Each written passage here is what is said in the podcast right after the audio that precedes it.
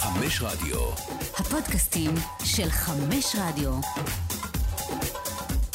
עולים לרגל, פודקאסט על כדורגל ישראלי. וואי, וואי, וואי, איזה סוף שבוע עוצמתי של כדורגל ישראלי היה פה. לונה פארק של רגשות, מהמורות ופסגות, בורות וריגושים שאנשים ייקחו איתם עד ליומם האחרון. המחזור הלפני האחרון של העונה הסדירה, המחזור ה-25 בעונת 22-23, הוא ללא ספק אחד המשמעותיים וכזה שיהיה גם מהזכורים עבור רבים מאוהדי הקבוצות. מי שמנצח בדרבי, מי שמנצח יריבה מושבעת למרות ששורפים לו את המועדון באותו לילה, ומי שעושה פלייאוף עליון אחרי שרק לפני עשר שנים אה, היה איפשהו בליגה ג'.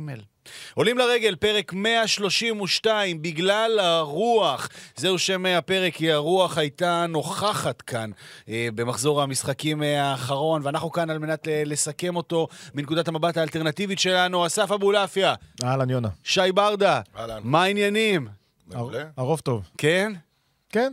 כאוהדים, אה, כאוהדים עכשיו, רגע, תכף גם ניכנס לפוזה הפרשנית והזה, כאוהדים חווינו פה וויקנד אה, מאוד איכותי, אבו, צריך להגיד. זאת אומרת, האם אפשר להבטיח למאזיננו שהיום לא יהיה נהי על הפועל תל אביב?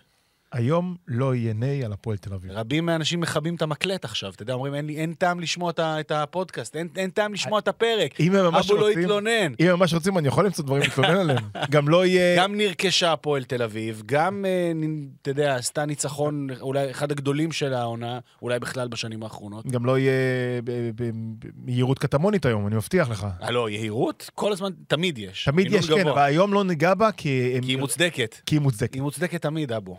אתה מבין? תמיד. אתה מבין שי? תמיד, תמיד, תמיד. אגב, אגב, הם כבשו שיא. אני לא יודע אם היה דבר כזה אי פעם בעולם, בשום ליגה. שמה? ארבע בעיטות למסגרת, ארבעה שערים. נכון. זה אחוז מטורף. ואם אם הגדרת את הפרק אה, רק בגלל הרוח, אז זה נטו בגלל הרוח. אני לא זוכר דבר כזה. נכון. ארבע בעיטות למסגרת, ארבעה שערים, אחד מהם כמובן שנפל. אנחנו נגיע היטב למה שהיה אה, בטדי ביום ראשון, אבל ברמת הבסיס, היגיון מקצועי במה שהתחולל שם על הדשא לא היה. אתה רוצה שנתח עכשיו את הפועל? אז תכף נשמע את מה. שיש לברדה להגיד. כותרות של ה- של השבוע הזה. יתחיל- יאללה, קדימה. יתחיל כבודו. אני אקח דווקא כותרת אה, שקשורה להפועל ירושלים. סבלנות משתלמת. אה, זה כיף אדיר לראות אה, גיבוי עצום שנותנים ל, למנהל מקצועי ולמאמן, ובתקופות הכי קשות ובמשברים, יודעים בסופו של דבר לאיפה, לאיפה ייקחו את המערכת הזאת לפסגות מאוד מאוד גבוהות. אני אזכיר ששנה שעברה המועדון הזה כמעט עמד לרדת ליגה. והם לא השתמשו בהמצאה הזאת של פיטורים, דווקא, אגב, כשאני אומר המצאה זה קורה בכל העולם, אבל הם כן האמינו בתהליך ובדרך, והיום הם קיבלו את, ה...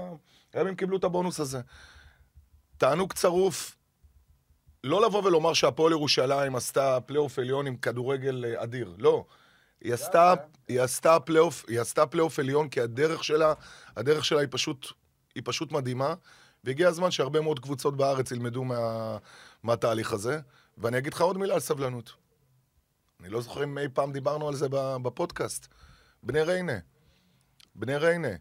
אה, כמעט בכל מועדון, המאמן היה צריך לשלם את המחיר על אה, כל כך הרבה, כל, כל כך הרבה משחקים בלי ניצחון. מהמם. אבל בסופו של דבר האמינו בתהליך והאמינו בדרך, ושרון מימר ממשיך.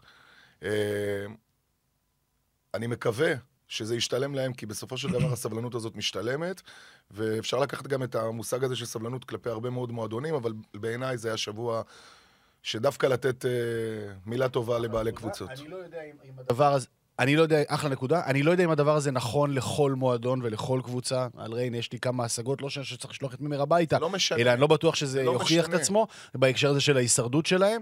אבל כן, זו לגמרי, זו לגמרי הגישה, צריך לתת, אני לא- זה לא חדש, לתת לאנשי המקצוע לעבוד. אה, אנחנו חוזרים על זה פה כמו תוכים. ביטחון תעסוקתי משפר ביצועים לכל אדם. ביטחון תעסוקתי שמאפשר לך לדעת שיש לך גב, גם אם אתה טועה, גם אם, אה, גם אם לא הולך. הביצועים השתפרו, וזה נכון אם אתה מאמן כדורגל, סוכן ביטוח, צבא, אה, או אסף אבולעפיה. מה הכותרת שלך? אז אני אשלים, תכף אני אתן את הכותרת שלי, אבל אני חייב להתייחס למה ששי אמר בכותרת שלו. מכבי חיפה מנהל מקצועי, הפועל באר שבע זה סוג של מנהל מקצועי, אז נזרום עם זה, מכבי תל אביב מנהל מקצועי, הפועל ירושלים, פלייאוף עליון מנהל מקצועי, מכבי נתניה תהיה בפלייאוף עליון מנהל מקצועי. חמש הראשונות, ואני מחשיב פה את הפועל באר שבע, כי ברדה יצר איזשהו כן. דמות, אבל חמש הקבוצות הראשונות בליגה, עם מנהלים מקצועיים, הפועל חיפה בלי מנהל מקצועי, בני סכנין בלי מנהל מקצועי, ביתר, קריית שמונה. בית"ר, אפשר, אני יכול לחזור, אבל המנטרה ברורה. אם לא הבנתם איך צריכים לפעול במועדון כדורגל, אז כמו ששי אמר, וכמו שאני זה מחזק, לא מועדון, זה מועדון כדורגל בכל, בכל הגדלים, כי אז יגידו לך, אתה יודע, יגידו לך נגיד בסכנין, יגידו, "מה, אנחנו לא מכבי חיפה. יגידו הפועל תל אביב, אין לנו את התקציבים של מכבי. אז פה אני אקח את הפועל ירושלים שלך, בא הפועל קטנה, ירושלים צנועה. ונתניה, ש, שכל אחת, עדיין יש הבדלים גדולים בין הפועל ירושלים לנתניה מבחינת התקציבים וכולי. אבל דוגמה למועדונים, גם בסדר גודל בינוני וגם בינוני קטן, שכן, שניהול מקצועי מייצר שם איזשהו אה, סדר מקצועי ואיזושהי יציבות ש, שמאפשרים. משפט אחד. ברור. לגבי מה שאסף אמר. אני חושב שחלק מה, מהסיבה שאני פה, זה כדי כן להעביר את המסר, תאמינו למרחקים ארוכים, אל תאמינו בספרינט.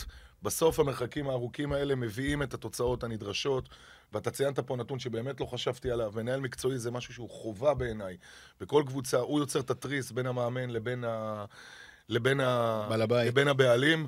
ותאמינו למרחקים ארוכים, בסופו של דבר מועדון מרוויח מזה, הוא מרוויח הרבה מאוד כסף, הוא, ב- בעיקר, הוא מרוויח הרבה מאוד כסף על מכירות שחקנים, הוא מרוויח הרבה מאוד כסף על, אה, על, על קהל שמגיע בגלל סגנון כדורגל. תאמינו למרחקים ארוכים, ואני חושב ששני, ששתי הדוגמאות שנתתי, ושאסף חיזק את זה, הם באמת היה פינץ, כי אם אנחנו טיפה נחפור, אנחנו נראה שיש הרבה מאוד דוגמאות השנה, שברגע שאתה כן מאמין למרחקים ארוכים, המועדון שלך יכול להצליח. אפילו בליגה לאומית. ובאמת אני מקווה בשביל השלמות של הכדורגל שלנו, שידעו באמת כולם לבוא ולהבין, אוקיי, יש סיטואציות שבהן כן, צריך לזעזע וצריך לפטר, זה פה לא גורף ל-100% לצד השני. לגמרי. אבל... מאמן צריך ללכת בשני הביטחון והשקט, לגמרי, כן, דיברנו על זה, אובדן חדר הלבשה והתרסקות טוטאלית. אה, ו- ורק לסכם את העניין, נקווה שהמודל הזה של ההתנהלות, שכמו שאתה שיקפת אותו דרך הטבלה, אה, יחלחל. הטבלה שיקפה, לא אני. כן, כן, כן, לא, לא, אתה- שמת את הזרקור על הטבלה שמשקפת, אה, פשוט אה, יאמצו אותו. לגמרי. יהיה טוב פה לכולנו ולכדורגל שלנו. לגמרי. אה, טוב, הכותרת שלי מן הסתם תעסוק באירוע הכי, הכי וואו שהיה השבוע, מבחינתך. מבחינתי. אני חושב מבחינת כולנו, אה, אני חושב. אה, אני ביום ראשון באזור כן, 4 אתה לפנות יודע מה, עשה? בוקר. אני מצטרף, עוד לפני שזה אני מצטרף, כן, מבחינת כולנו זה היה לגמרי הוואו. אז, אז אני אספר את החוויה האישית שלי של מה שחוויתי ב, ב, סביב אה, סיפור חודרוב. אני באזור 4 לפנות בוקר, מתחיל לקבל את הוואטסאפים והטלפונים. הטלפון שלך לא על שקט בלילה? אחי, לא, תמיד רוטט. תמיד רוטט. וואלה. זה התפקיד, אחי, זה עבודה. חלום שלי לסגור... נגיד, אסף אבולעפיה, העורך הראשי של חדשות הספורט, כך. שצריך זמינות של 24/7, אה, בניגוד לאחרים שיכולים לישון בשקט. פעם אחת אמרה לי חברה טובה שהייתה עיתונאית, שהפסיקה להיות עיתונאית, ביום שאני יכולה להיכנס להתקלח בלי הטלפון, זהו, זה טוב. אז זה המציאות שלנו וזה בסדר, התחילו ה... תקלח עם טלפון פה. לידי תמיד. באמת, אם פתאום יש הפגזה, אז אני לא משנה. אשתי כבר יודעת, חמש דקות, יחכה. יש, יש, זה התפקיד. אוקיי, יאללה, סליחה על ה... אה, אז ארבע בבוקר מתחיל הדיווחים מחודרוב, אה, ומן הסתם באותו רגע נגמר לי הלילה. קם בבוקר, אמרתי, טוב, אני חייב לנסוע, אני, גם אני וגם שי גרים כמה דקות מחודרוב, אמרתי, אני חייב ללכת לראות שם מה קרה שם, ואני מגיע לחודרוב, ויורדות לי דמעות. יורדות לי דמעות, כי אתה רואה מול, מול מראה של, של מתחם כדורגל מפויח ומפוחם, שנראה כמו, כמו בהרס מוחלט. עכשיו, זה לא קשור, באמת שזה לא קשור לאהדה האישית שלי, הפועל תל אביב, זה לא משנה. כי זה אותן דמעות שהיו לי, אני זוכר שמאיר הרוש בבית וגן הציג לראווה, שאתה בטוח זוכר את הנעליים של אלי אוחנה. אלה הנעליים של אלי אוחנה מהאליפות הראשונה של בית"ר ירושלים, שהן שרופות לגמרי בגלל אותם מחבלים ששרפו את בית וגן בפעם השנייה. ואתה אומר לעצמך, ריבונו של עולם, לאן הגענו? אתה אומר לעצמך, איך זה יכול להיות ש... ש... מחבל או מחבלים, ככה אני קורא להם, טרוריסטים לכל דבר, מחליטים לקום בבוקר ולשרוף מועדון. עכשיו, הבוגרים לא רלוונטיים פה. צריך להגיד, מתחם אימונים, וזה לא משנה אם זה בחודרוב, או בכפר גלים, או בקריית שלום, או ב... זה בית של הנוער, זה בית של ילדים, זה בית של אנשים. נשים, של, של מועדון, זה הלב הפועם, זה כאילו הבית שלהם, ומישהו בא, לכאורה, כנראה, עוד פעם, כנראה, לכאורה, בצורה הכי פושעת בעולם ורוצה לשרוף אותם. עכשיו, יש קודים בעולמות האלו. גם בעולמות של האולטרס וגם בעולמות של היריבויות הגדולות, אה, יש, יש אלימות ויש, אה, ויש אה, יריבויות מאוד מאוד גדולות, וגם בתוך הדברים הללו איכשהו יש קודים, זאת אומרת, יש, יש גבולות שלא חוצים. אומרת, יכול להיות מצב, אה, סליחה פה על הבוטות, ש, ש, שלפני משחק שני מחנות אוהדים יקבעו באיזה פינה חשוכת תל ויפרקו אחד את השני במכות עם, בק, עם מקלות ואבנים, אחד על השני באיזו סביבה שקטה. זה, כמה שזה נשמע הזוי, זה חלק מהקודים. זה איפשהו, אתה יכול להחריש ו- ולקבל את זה. זה הזוי ובזוי, אבל נגיד, מחסני התפאורות למיניהם. בדיוק. אתה יודע, לפגוע במחסן תפאורה של, ה, של היריבים שלך ו, ולפגוע בהם וכולי, זה בתוך המלחמות שקיימות. מה שנעשה פה... זה דברים שלא עושים. לא עושים כאילו גם, גם במקומות הכי שפלים והכי בזויים אה, והכי אה, אה, אה, מוזרים, לא עושים. אה, אבל לדאבוננו טוב, זה יכול לקחת אותנו פה לדיון רחב יותר, שאני בטח לא רוצה לא, לא, לא, שנגלוש לא, אליו, של. פרצופה של המדינה, כי- זה אלה ששרפו את חווארה, וזה אלה שזה, בסופו של דבר, לא רוצה. אני לא, לא אומר פרסונלית אותם אנשים, אבל זה אותו עיקרון. לא רוצה, כי, כי, זה, כי זה לשרוף בית ולשרוף לב ולשרוף את, הנפש של מועדון כדורגל. עכשיו עוד פעם, זה לא משנה אם זה הפועל תל אביב, אני מודיע חד משמעית, יונתן, אם זה היה חס וחלילה בקריית שלום, התחושה שלי הייתה יותר אותו דבר, כי. לראות חולצות שרופות, כדורי רגל מפויחים, גביעים שחורים, זה שבר לי את הלב בצורה לא נורמלית. באותו רגע, באמת, כל מה שאמרתי, הלכתי משם, אמרתי, טוב, לא, רוצה, לא מעניין אותי לראות משחק, לא מעניין אותי לראות כדורגל, זה לא מעניין, זה לא רלוונטי. ברור. עכשיו, אותם אנשים שעשו את זה, יכול להיות שהם היו בכדורגל בש... בסוף שבוע האחרון. יכול להיות שהם ילכו למשחק, כי הם עשו את זה בשם אהדה ספורטיבית, אתה מבין? אתה אוהד כדורגל, יונתן, אני אוהד כדורגל, שי ברדה אוהד כדורגל. הם בשם האהדה הספורטיבית הלכו לשרוף, עכשיו, הלכו לשרוף מועדון. עכשיו, נניח מישהו היה ישן בשם. נניח, יכול להיות, לא קרה. קרה, גם אני פעם אחת הלכתי לישון במקום העבודה, אתה לחץ גדול. אתה שם את הראש כמה שעות, זה קורה. איפה ישנת? פה, פה? נראה לך בספה. קורה! כן. יש אירועים כאלה. נניח היה שם רצח גם. עכשיו, עכשיו זה, זה באמת, זה, זה שבר לי את הלב בצורה שאני לא יכול לתאר. כואב לי הלב על אותם נערים וילדים שאין להם למה לבוא עכשיו. אבל כמו שאתה פתחת מהכותרת שלך, בגלל הרוח, הרוח הזאת זה מה שהחיה לתחושתי את המשחק בטדי, והביא להפועל תל אביב ניצחון שהוא מבחינתי אחד הגדולים בהיסטוריה שלה, לא פחות ולא יותר. ויותר מהכל, אה, אותו בן אדם שניסה לשרוף את הפועל, יש לי מסר בשבילך, לכאורה, מה לכאורה? די כבר. ניסה לשרוף. עד, ש- עד שהמשטרה לא אומרת, אני לא אומר. יש לי מסר לאותם אנשים, לא רק שלא פגעתם ברוח של הפועל, רק חיזקתם את משאב הרוח שמגיע מארצות הברית, ואז אני אומר את זה מידיעה, תכף אני אספר. ויותר מהכל, רק חיזקתם את השורשים של המועדון הזה. אז אני אומר לאותם אנשים, לאותם פושעים, כמו שיונה אמר, יש חוקים שלא עושים, ו- וזה זה, זה תמונה שמבחינתנו ניקח יותר מכל מי שתהיה אלופה, מי שתיקח מחזיקת גביע. כי לב לא שורפים. כותרת הקצרה של... אין, לא, לא, לא, אין, אין, אין, אין צורך להוסיף אה, אף מילה, כמובן עומדים מאחוריך אבו ושותפים מילה. בוודאי. אה, כותרת שלי חוזרת לענייני החולין של הכדורגל הישראלי, עוד מחזור אה, באמת מביך, כמעט ללא יוצא מן הכלל אה, ברמה השיפוטית. זה פשוט לא ייאמן מה שקורה כאן אה, בליגה. אה, שוב, שהדבר הקסום בסיפור הזה, זה שאי אפשר להטיל דופי לרגע ביושרתם של אנשי המקצוע. כל השופטים באים לעשות... אני לא, אני לא קונה את זה שההוא אוהד ככה וההוא זה שמנסים להשחיר שופטים על הרקע הזה. אבל הם פשוט גרועים בעבודה שלהם. ואני אומר את זה בכאב, וחלקם אני מכיר באופן אישי, אני חלקם גם, חלקם לא רק שאני מכיר, חלקם אני גם מעריך באופן אישי. אה, שנגיד שבוע שעבר הייתה תצוגה נהדרת של, של, של ריינשרייבר במשחק גביע, אה, אבל לדעתי זה, זה כל כך, ופה ושם יש לך גם מופעים, אבל בסופו של דבר זה, במכלול שלו זה כל כך חלש, ובמכלול, כש, ש, ש, שעוד משולב בזה VAR וכולי, איגוד השופטים עשתה, עשה אה, רפורמה מכובדת בקיץ האחרון, חיזק את עצמו ביושב ראש, איש צבא נהדר ונערץ, באמת, איש אדיר, שעשה דברים גדולים בצבא, בוודאי שיכול לתרום נכס לכל ארגון, הביא דובר, חביב, מקצוען, שבוודאי תורם למעטפת. יש יופי של מעטפת למקום הזה, אבל התוכן, תוכן, מצב על הפנים. על הפנים. לחזק? שי, אני אספר לך סיפור, אתה מתעלף. טוב, אנחנו אמורים, תכף נהיה בדרבי של חיפה, אני מבטיח, אבל יונה דיבר על השופטים, אז נגיד את זה. אני משוחח יום אחרי המשחק של הפועל תל אביב בית"ר ירושלים עם אה, שופט בכיר בליגת העל. אז לו, תגיד, בחייאת... אה, איך? ניקולאסקו זה לא אדום? "אה, זה לא חד משמעי. אמרתי לו, מה? הוא בעט לשחקן בפנים. אומר, כן, אבל יכול להיות שהרגל המשיכה. אמרתי, לא, אני הלכתי וראיתי replay ו replay ו replay ו replay. בן אדם עם תנועה רצונית לפנים של גורפינקל. אני לא סגור על זה. אמרתי לו, ומה, מה, איך אתה שופט את זה? הוא אומר, תשמע, אם גורפינקל היה עוד מסתובב קצת על הדשא, וקצת עושה קצת, אה, מטבל את התגובה שלו, אז יכול להיות שזה היה אדום. אמרתי לו, רגע, אז תן לי להבין משהו. אם השחקן היה מגזים בתגובה שלו ועושה הצגה, אז הייתם קונים את ההצגה ונותן אדום? זה לא זה, להאמין. זה לא להאמין. עכשיו, זה אני אומר לך, משופט פעיל ומעוזר שופט שהיה לצידו, שמגבה בכל מילה. שאני אומר, יונתן, יונתן, אני אספר את זה ליונתן, באוזניים נפלו לו. עכשיו, אם שופט בליגת. העל. שי, שופט בליגת העל. עכשיו, אליאם קצפולסקי, אני לא מדבר על האדום, שגם גם אני חושב שהוא מוגזם, אבל בסדר, זה גלישה, זה פרשנות, לא הלכתי לשם.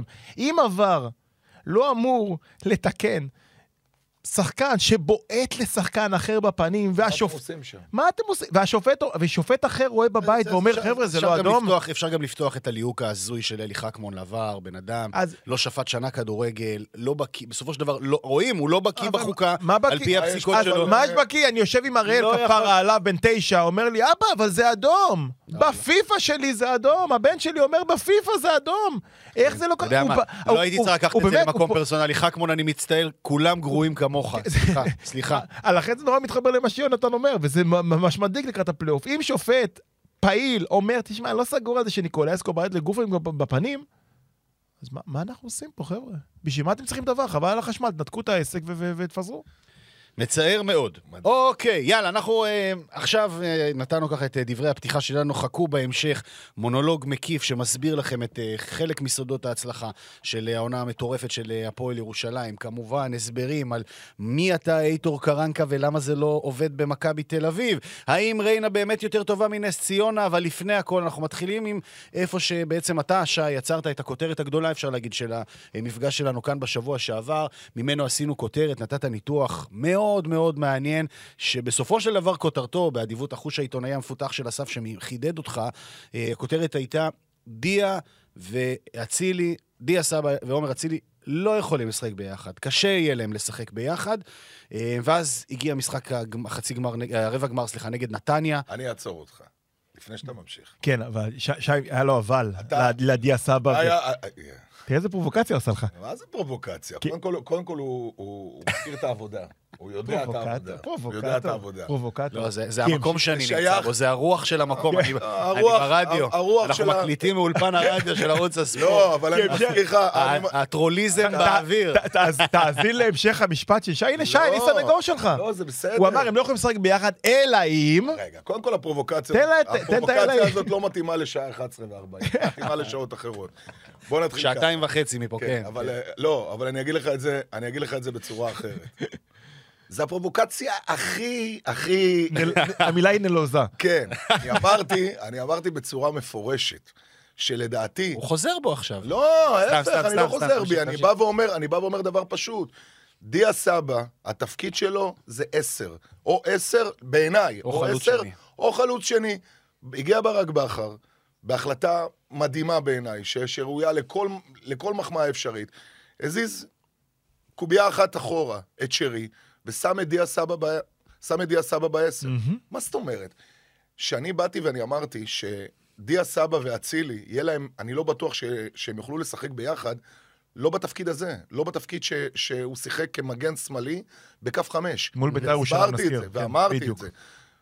יש, אה, יש פריבילגיה יותר גדולה מזו למאמן לשחק עם שני שחקנים כאלה מוכשרים וכאלה כאלה כישרוניים. אני חושב שהחוכמה הייתה לדעת, לדעת לשלב את שניהם ביחד, ולשים את דיה סבא בעשר, ול, ולתת לאצילי להיות בתפקיד שלו. ואתמול נגיד- בחיפה הוא עושה את זה. אז רגע, לפני אתמול, נגיד שה... תוך חמש דקות הוא גומר את המשחק. התיאוריה חמש של... דקות. אז רגע, נגיד, נגיד רק שנייה לפני שמגיעים לאתמול, שהתיאוריה של שי קיבלה הרבה מאוד uh, תשומת לב uh, ו- ו- והתעמקות מצד אנשים אחרי משחק הגביע uh, מול נתניה. Uh, יצאנו די נלהבים, כמו כולם בעצם, מהניצחון של מכבי חיפה על, על ביתר, מבחינת היכולת של מכבי חיפה uh, והעצימות במשחק הזה, ואז מגיעה מכבי נתניה uh, ומרגיעה מרגיעה את כולם.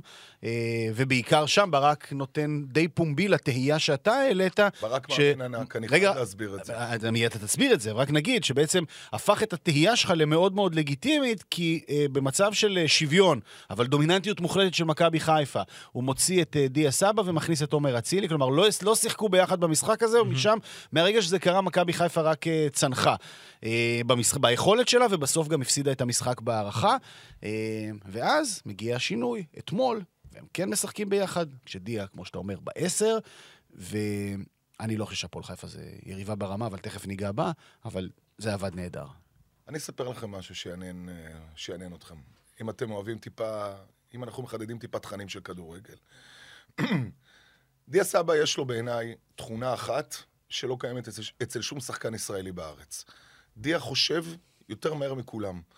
כשדיה הגיע למכבי נתניה, הסברנו את זה, הוא בכלל לא ידע לרוץ לעומק, והרבה מאוד, הרבה מאוד uh, שיחות ועבודה על איך הוא רץ לעומק. דיה סבא חושב יותר מהר מכל שחקן ישראלי. ובגלל העובדה שהוא חושב יותר מהר מכל שחקן ישראלי, התפקיד שלו הוא באמצע המגרש מסיבה אחת, כי בעשר אין לו באמת משימות הגנתיות. הדבר היחידי שהוא צריך לקחת זה את השש. שחקן כדורגל שמשחק בתפקיד הזה, הוא צריך, ש... הוא צריך לדעת לשחק כשהכדור אצלו ברגל, ובעיקר לשחק כשהכדור לא אצלו ברגל, לדעת לרוץ לשטחים. ברק בכר אתמול, אני לא האמנתי שהוא ישחק ככה והוא הצליח לעשות את זה, זה שאפו, הוא כל הזמן ממציא את עצמו מחדש. הוא הזיז את שרי מדרגה אחת אחורה, ושיחק עם עלי.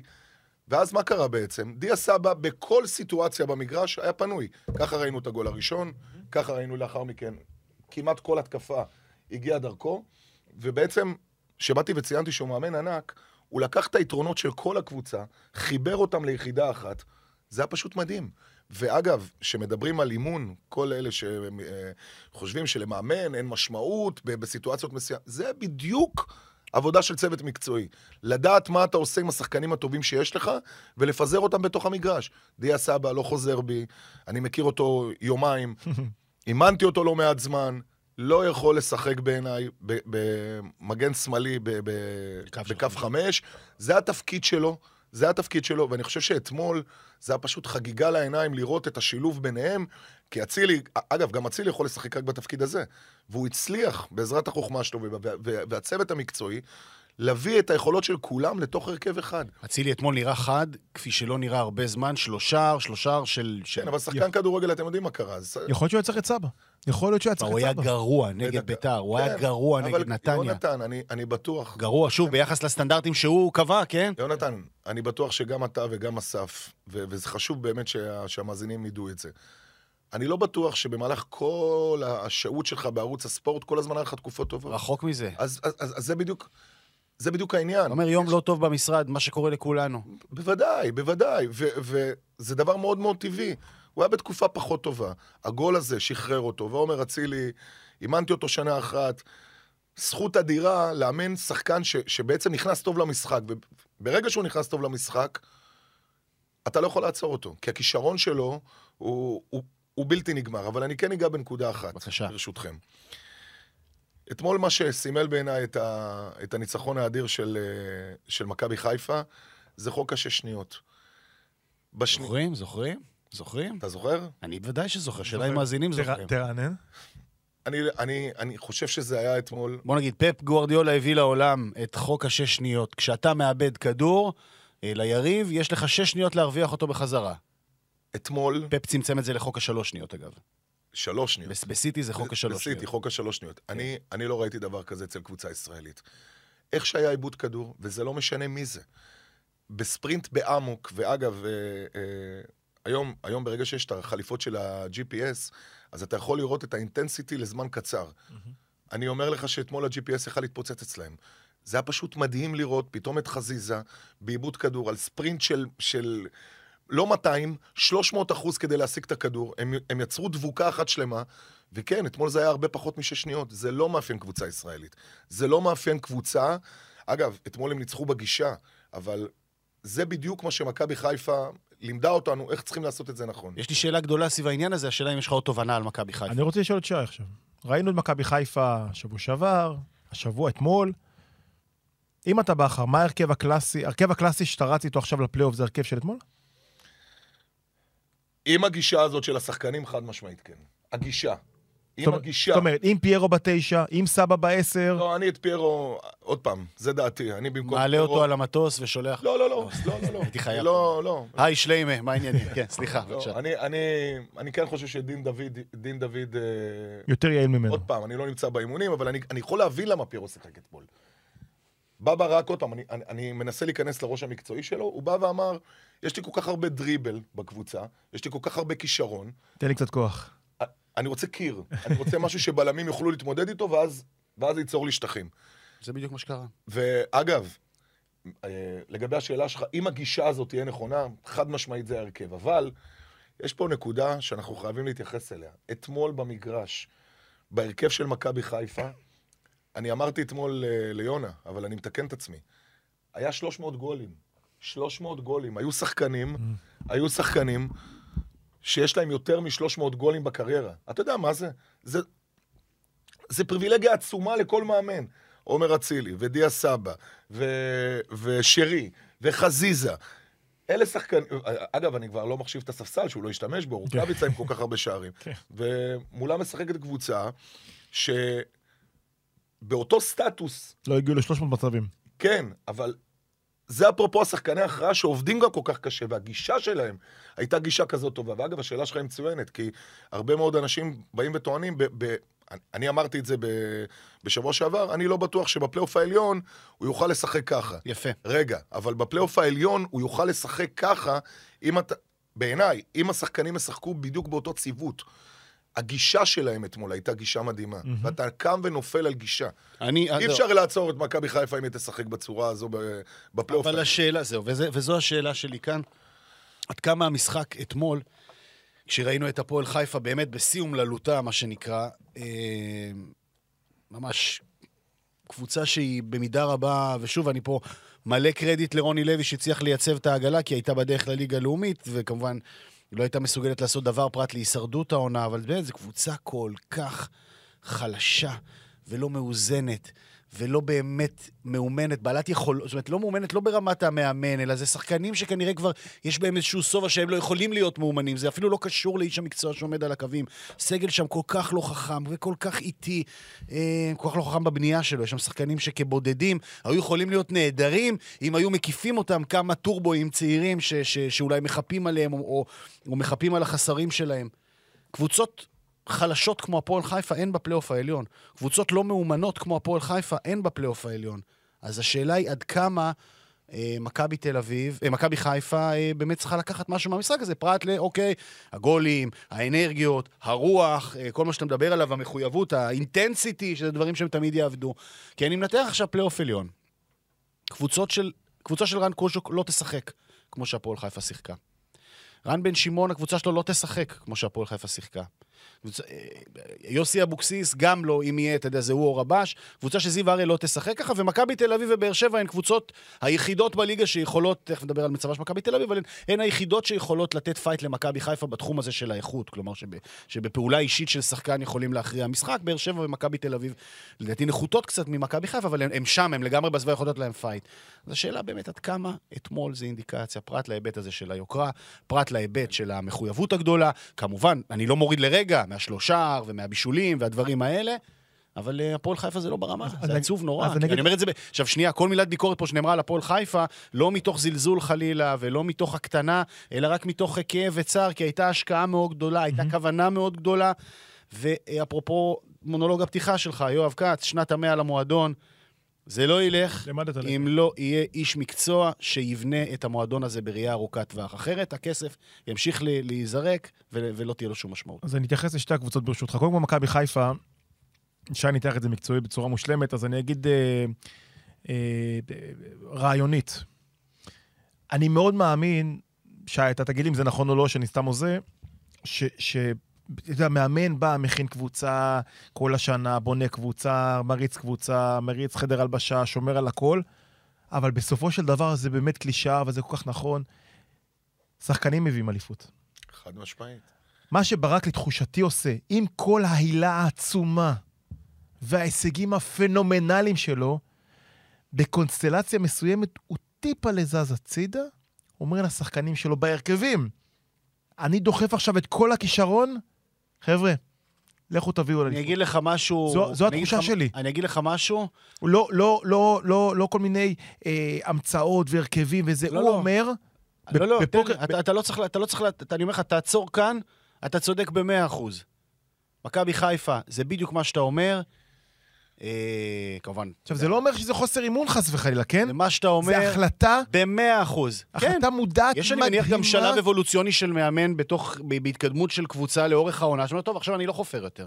עכשיו אני לא חופר יותר. אני את היסודות הנחתי. נעבוד על נייחים, נעשה אולי קצת וידאו ליריבה, לזהות דברים כאלה, אבל בגדול, אין חפירות. חבר'ה, לכו. תביאו לי אליפות, נקודה סוף, זה מה אני שהוא חושב אומר. שזה המצב. דרך אגב, נניח, אלי גוטמן בזמנו בהפועל תל אביב הגדולה שלו, עשה דבר מאוד דומה, היה לו כישרון בלתי נגמר. חבר'ה, זרק את כולם למגרש, לכו תרקדו. וזה מה שהם עושים, מכבי חיפה עכשיו רוקדת. אתה יודע, אני חייב לספר לכם שבהשתלמות שהייתי בברצלונה, למדתי דבר אחד שבעיניי הוא הכי חשוב. זה לא משנה כמה תכנים אתה תכניס, וזה לא משנה כמה כדורגל אתה יודע. בסוף, זה אולי 20% מהעבודה של מאמן. 80% נוספים זה היכולת שלך לנהל את הקבוצה, והיכולת שלך לנהל את הצוות שלך. ולדעתי ברק עושה את זה בצורה מושלמת, הכי טובה בארץ, בכמה רמות מעל כל מאמן. הלוואי כבר שנים. הלוואי והייתי יכול אה, לקחת טיפים מסוימים, כי הוא יודע לנהל את זה בצורה נכונה. ואני אני אומר לך משהו.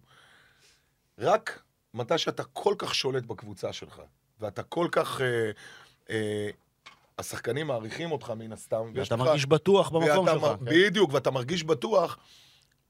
אני מסכים לגמרי עם מה שאמרת, הוא זרק את כל השחקנים, אבל... גדולה, זה גדולה, זו שנייה, גדולה, זה לא... חד משמעית, חד משמעית, אבל הוא מצליח להביא כמעט בכל משחק עוד אלמנט טקטי מסוים, שלא בטוח שהאוהד ה- הרגיל יכול לראות את זה. אתמול, הוא עשה משהו שהוא לא עשה כמעט כל העונה. אתמול, בלחץ שלו, בפרס, הוא ידע לדוגמה שברגע שדיה סבא יוצא לבלם, הוא הוציא את הכנף מצד שני ללחוץ את השש. לעולם הוא לא עשה את זה. עוד פעם, לפחות במשחקים ש... הוא כל הזמן, הוא, הוא כל הזמן מנסה להביא עוד משהו לתוך המשחק שלו. אתה יודע, להביא את הכנף מצד שני, ללחוץ את השש, מהמם. כי אם דיה סבא יצא לבלם, הוא חשב מחוץ לקופסה.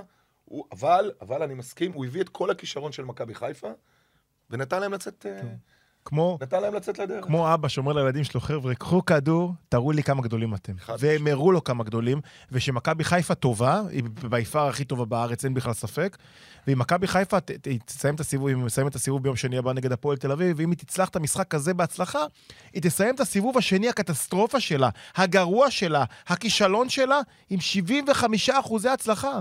זאת אומרת, עם כל הנפילה אה, עם ריינה, והמעידות פה ושם, וההפסדים וזה, 70 75% הצלחה, 29 מ-39 אם תנצח את הפועל תל אביב, זה סיבוב מושלם. וכרגע עוד פעם, אני מסתכל, עכשיו אני לא... אם אני מסתכל על מכבי תל אביב, ותכף ניגע למכבי תל אביב, יש לה רק שחקן אחד שיכול להביא אליפות, אחד בלבד זה ערן זהבי.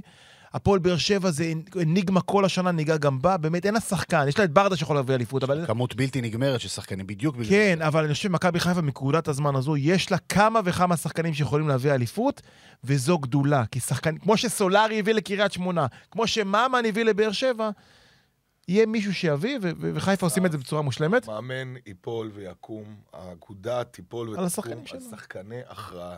במכבי חיפה יש חמישה-שישה כאלה, ואגב, זה החוכמה גם לדעת לפגוע בול עם אותם שחקני הכרעה. אני כן אתייחס במשפט לנקודה, האם זה, האם זה מדד או לא מדד הדרבי. חד משמעית זה מדד, מה זאת אומרת? אני חושב שאתמול מכבי חיפה הפכה, הפכה את הפועל חיפה להיות פחות טובה. הגישה שלהם במשחק הייתה מדהימה. אצילי דיבר על זה בסיום. בוודאי, הגיש, אתה קם ונופל על גישה. ואגב, אפרופו שאני בא ואומר שמאמן יכול לתת 30 אחוז דברים מקצועיים, השאפו הגדול לברק זה להביא אותך למצב שאחרי כל כך הרבה... אגב, אם אני לא טועה, זה ש... אה, עד לפני המשחק הזה, אה, זה שני ניצחונות בשמונה משחקים למכבי חיפה, כולל הגביע. כולל הגביע. כולל הגביע. אז כן, זה בדיוק העניין, שאחרי תקופה פחות טובה, בגלל החופש התעסוקתי שאתה מדבר עליו, הוא מצליח להביא את הקבוצה במאני טיים אז אני בצורה חושב ש- אז אני חושב שהפועל חיפה זה לא- זה לא זה לא אז אני אגיד אינדיקציה. משפט על הפועל ואני חיפה? רוצה ב- בהיבט הזה, כן, אני רוצה שתגיד משפט, רוצה, אבל בהיבט- בהיבט הזה להגיד שהמבחן בעיניי של מכבי חיפה בשבוע הבא בבלומפילד מול הפועל תל אביב, שהיא קבוצה שהיא בערך שווה להפועל חיפה בנקודות, אבל כתלכיד. כתלכיד מתגונן, בטח עכשיו שהוא גם ניסה עם טיפה ביטחון אחרי מה שהוא עבר בשבוע האחרון, למכבי חיפה יהיה אתגר, זה אתגר הרבה יותר משמעותי. אבל לא זה ולא זה, זה מה שממתין להם בפלייאוף, ו- ויהיה מאוד מאוד מעניין לראות לאן זה הולך, אה, בטח אחרי אה, המשחקים. יאללה, תובנת הפועל חיפה תובנת לקינוח הדבר חיפה, הזה? קודם כל, ישי דיבר על הגישה. הפועל חיפה מגיעה לשני דרבים השנה. בדרבי הראשון היא בדקה 19 ב-2-0, אתמול בדקה חמישית היא 2-0, או 0-2 יותר נכון. ככה לא באים לדרבי. אתה יכול לדבר על... היה גם דרבי בגביע עם חמש. כן, אני. מדבר כרגע על הליגה. כן. אה, עכשיו, אפשר לדבר על, רוני וטקטיקה והרכב של ההרכב. בסופו של דבר, כשאתה בא לדרבי, בטח הרבע שעה, עשר דקות הראשונות, זה נטו, נטו איך שאתה בא בגישה, והפועל חיפה בגישה מתבטלת, מעליבה, כי לא באים ככה לדרבי בחיים. ואתה מדברים על העונה של הפועל חיפה, שהיא מבחינתי אולי כישלון העונה ביחד עם בני סכנין, לא יודע שנסכם נבחר. כן. כן, הסתכלתי בהרכב הראשון, במשחק הראשון של הפועל חיפה, נגד הפועל תל אביב בתחילת העונה. שיחק שיחק שם שטיגליץ, ושיחק שם מרון, ושיחק שם סילבה, ושיחק שם גלאזר, ושיחק שם גידי קניוק. ואז אתה אומר לעצמך, כמה שחקנים שיחקו בהפועל חיפה העונה, שי? 31 שחקנים שיחקו העונה בהפועל חיפה. עזוב כמה כסף זה עולה לבעל הבית. 31 שחקנים ב-25 משחקים. למעשה, אבל- הפועל חיפה יכלה לעשות טורניר הפועל חיפה של שלוש קבוצות, ועדיין יהיה להם כמעט 11 שחקנים. לא להאמין. זה לא להאמין. עזוב ככה מאמנים, אז עם כמות שחקנים כזו, עם בנייה כזאת נפשעת, עם כסף שבאמת יואב כץ ליבי ליבי יוצא, כי באמת לא, הוא לא, לא... שלא יצא לך. לא, הוא לא... שלא יצא לך הלב. מבחינת ההשקעה. שיחסוך שלוש-ארבע משכורות. ויחמול על האגו שלו ויביא אדם מקצועי לידו. שיזוז. ולא כי- מאמן שבקיץ מדבר עם סוכנים במקום להכין את. הקבוצה. כי גם זה לא יואב- עובד ככה, 2023 הזמנים השתנו. גם ליואב כץ מגיע עם כל הכסף שהוא משקיע, והשקיע כל כך הרבה כסף, הגיע הזמן שהוא יישב בביתו בוושינגטון, יקום בבוקר ויראה משחק בכיף, ולא יתחיל... זה הוא צריך לשחרר. זה ולא לא... יתחיל איזשהו זום עם השחקנים, עם שיחות מוטיבציה בחדר הלבשה. יואב, להגיד לו, זה לא עובד it's יותר. not your fucking job. למה אמרת את המילה הזאת, ה-F? שעת בוקר פה, זה לא הסגנון שלנו, אבו. רדיו. מה רצית, שי? לסגור את הפינה הזו? כן, אני כן אסגור את הפינה. אני חושב שבסוף זה, זה, זה לא משנה כמה כסף אתה מבזבז. זה, זה הכי משנה איך אתה, איך אתה מחלק את זה בצורה נכונה. בדיוק. ולקחת כל כך הרבה כסף, צריך לדעת לבנות מועדון, לבנות מועדון. זה, זה משגע אותי שבארץ זה סוג של אה, מילת גנאי, אבל אני אסביר לכם למה אני מתכוון לבנות מועדון. זה לבנות קודם כל מחלקת אנליזה, לדעת איזה זרים אתה מביא, לדעת לפי איזה פרמטרים אתה צריך אותם, לדעת, לבדוק את מדד הפציעות של, את מדד הפציעות של הזרים במה, לפני שבכלל הם נוחתים. לדעת, לדבר עם המאמנים שימנו את אותם שחקנים כדי לדעת אם, אם הם מתאימים לאיזונים. זה לא יכול לעשות מאמן כדורגל. יש מחלקת אנליזה שלמה שעושה את זה. בקבוצה שלך, שאתה אוהד אותה, יש לפחות חמישה-שישה כאלה שמתעסקים בזה. במכבי פתח תקווה היו לי ארבעה כאלה, בהפועל חיפה אני לא בטוח שיש. אני לא חושב שיש. אני לא בטוח, אבל ככה בונים מועדון. ככה בונים מועדון. שאתם אתם יודעים, כל הזמן אומרים, חבל על הכסף. מה זאת אומרת חבל?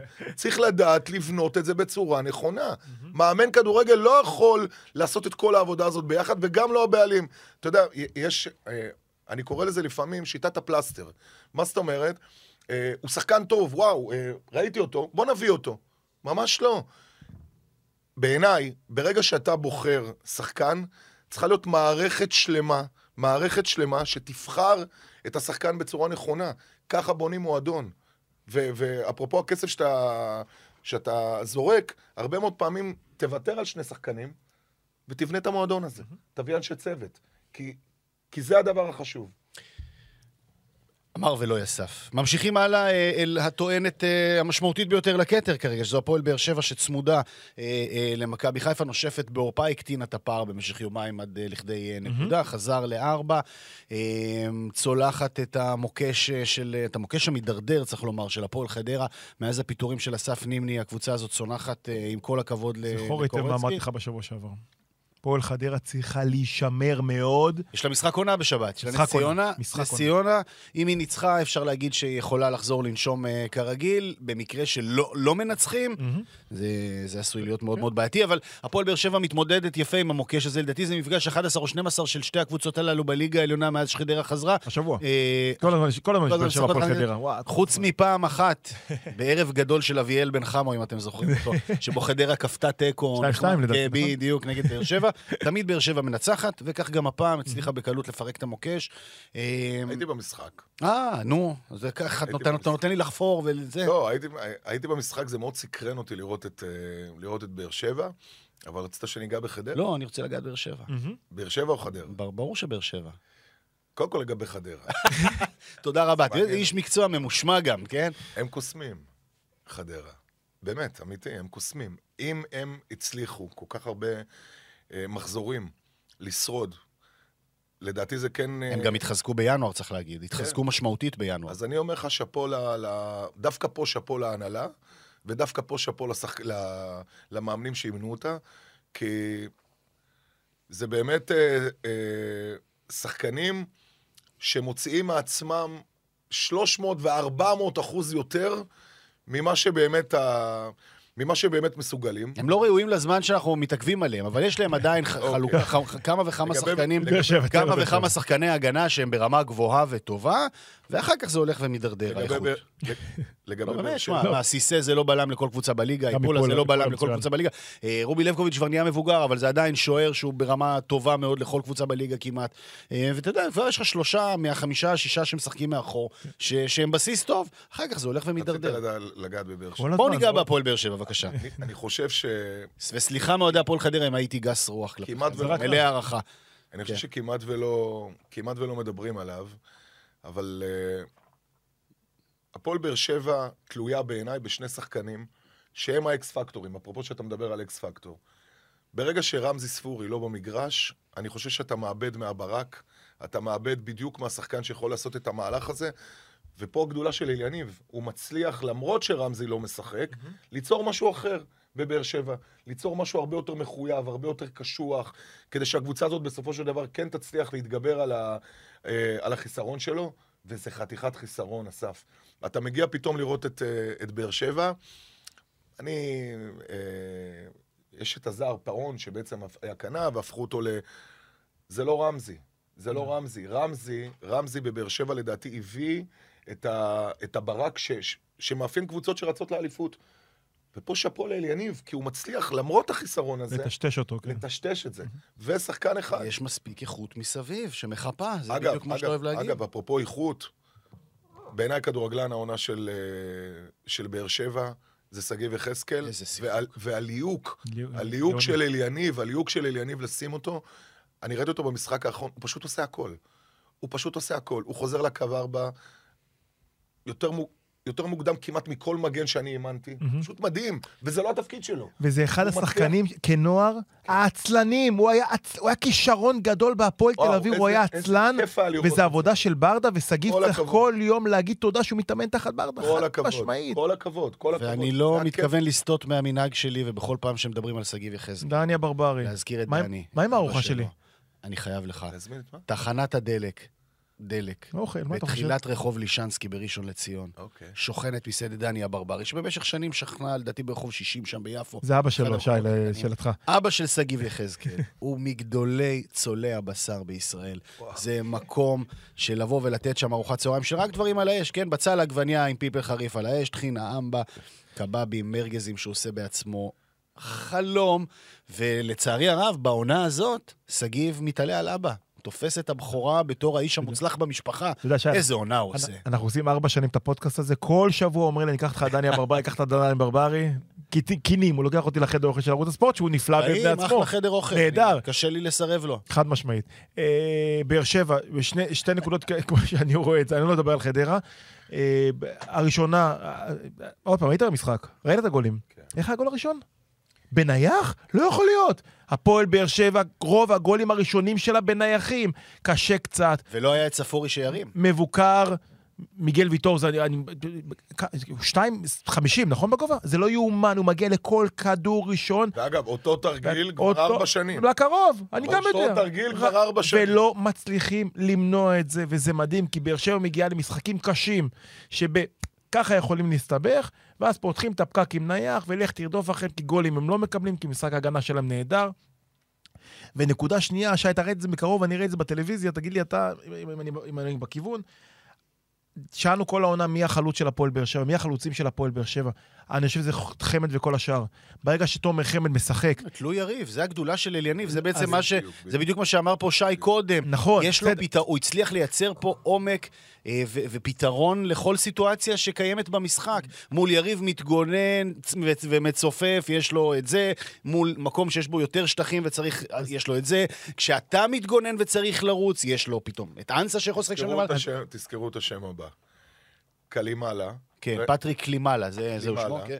ואני חייב לומר לכם, אני ראיתי אותו משחק 25 דקות, לא יותר, כי, כי זה בעצם ה- הדקות שהוא נתן לו בסוף המשחק.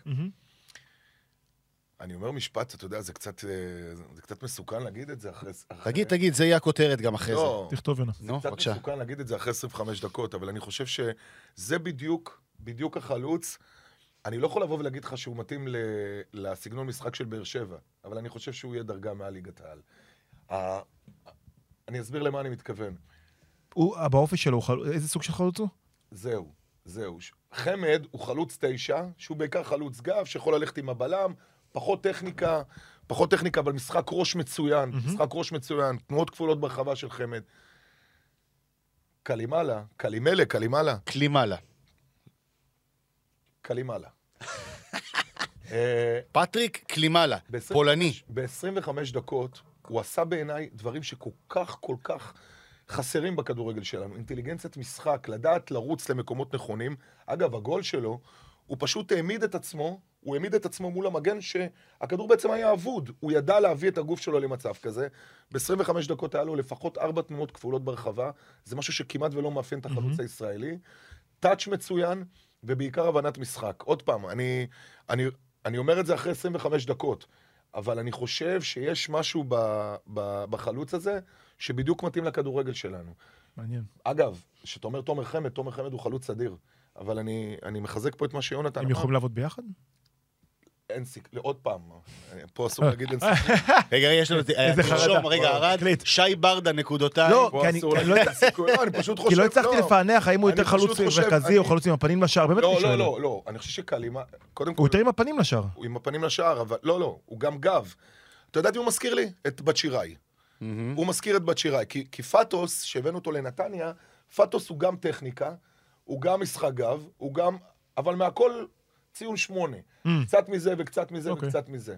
תומר חמד הוא חלוץ אדיר, עם קריירה אדירה, בעיקר כמשחק גב. אגב, כשאתה שואל, שואל שאלה ענקית, אם הם, אם הם יכולים לשחק ביחד. אם הם יכולים לשחק ביחד זה רק ב-4-4-2, ולדעתי הם לא משלימים אחד את השני. כי פיירו ו- ודיה סבא כש, כשניים יכולים להשלים, אחד לשטח ואחד לרגל. אז הפועל באר שבע אה, רצה חזק, ובתחושה שלנו, אני חושב שהאליפות תוכרע ממש ברגע האחרון. אליפות והיא תוכרע, לא- והיא לא- והיא לא לא לא. חד משמעית לחיפה. היא לא תוכרע, אבל היא תתכוונן למשחק השני בפלייאוף, שהפועל באר שבע תגיע לסמי עופר. הפועל באר שבע תסיים, אני מעריך בזהירות שמכבי חיפה והפועל באר שבע ינצחו את המשחקים שנשארו, להפועל באר שבע יש קריית שמונה בבית, אני מעריך שהיא תצלח את המ- את המכשול הזה עם כל הפציעות וכל הרחוקות וכל סטובו הזה. נהנה שם עם הקבוצות שלו היסטורית. גם כן, אם קריית כן. שמונה, לא שנה שעברה הם הפסידו שם, אבל- אבל אבל שיחקו שם טוב. לא, לא, יהיה מאוד מעניין, אבל אה, אם, בוא נגיד ככה, אם הפועל באר שבע ומכבי חיפה הגיעו למפגש ביניהן בפלוס ארבע למכבי חיפה בסמי, שזה הופך להיות שבע בקונסטלציה מסוימת, זה. זה יכול להיגמר שם. מעניין אה, מאוד. אז זה הסיפור אה, הזה, אנחנו ממשיכים לעוד משחק אה, מאוד מאוד נחמד שהיה בסוף השבוע הזה. מדברים כמובן על שבת. בלומפילד, שבע וחצי בערב, המשחק שבו הפועל ירושלים שמה חותמת על גדול הישגיה בכל הזמנים. בעוד שמנגד מנגד מכבי תל אביב, בעצם אפשר להגיד, ככל הנראה יוצאת ממאבק, ממאבק האליפות, נשארת רק עם הגביע. תכף אתן לכם את שני הסנט שלי על העונה המטורפת של הפועל ירושלים, אבל בואו נדבר על מכבי תל אביב. אה, ובעצם אה, נתחיל בזה שכדורגל. כדורגל הוא משחק מטורלל, כי אה, ישר אנחנו, אתה יודע, אחרי המשחק, ובטח ביומיים שלושה אחרי, ברור לנו, אה, על פי כל הדיבורים, שאייטור קרנקה לא מתאים למכבי תל אביב. אה, שוב, אני, אני, לא, אני לא אומר את דעתי, אני מצטט את הלך הרוח, כן? לא מתאים למכבי תל אביב, אה, טועה, מכבי תל אביב נפלה איתו, גמרה את הסיפור. אה, זה היה משחק שבדקה 15 היה יכול להיות 3-0 למכבי תל אביב, ואז כל, ה... כל הערב הזה הולך למקום אחר, באמת, כאילו, בהסתכלות אה, נקייה לחלוטין. אבל איזה דבר נפלא זה כדורגל, או איזה דבר אכזרי זה כדורגל, יגידו אוהדי מכבי תל אביב אה, מצידם. אה, אני מחזיר אתכם לרגע אחד ב- במשחק הזה. כמובן, דקה 50 ו... שלוש. שמחליט קרנקה ב-1-0 בבית מול יריבה שלא לא נותנת את המשחק הטוב בתולדותיה, רחוק מזה.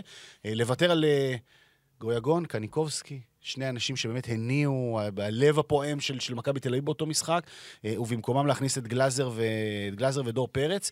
אה, כשברקע מהדהד כל הזמן גם הנאום של שי ברדה פה בשבועות האחרונים, שבאמצע צריכים לשחק שחקנים עם דריבל, בטח מול יריב מתגונן וכולי. אה, ובעצם ממשחק שמכבי תל אביב דומיננטית בו לחלוטין, אה, משתנה האור, כשבמקביל... רעש גדול ורחש מהיציעים ושריקות בוז שמשתקות את מכבי תל אביב. סיפרו לי שחקנים בהפועל ירושלים, אמרו תשמע, מולנו עמדו שחקנים אה, ששווים מיליונים, שבמחצית הראשונה נראו סבבה והכול, ופתאום מהרגע של החילוף, לא בגלל החילוף, בגלל התגובה האווירה. של הקהל, כן? ראינו, עמדו מולנו שחקנים של מיליונים, ובגלל התגובה של הקהל, הם קפאו.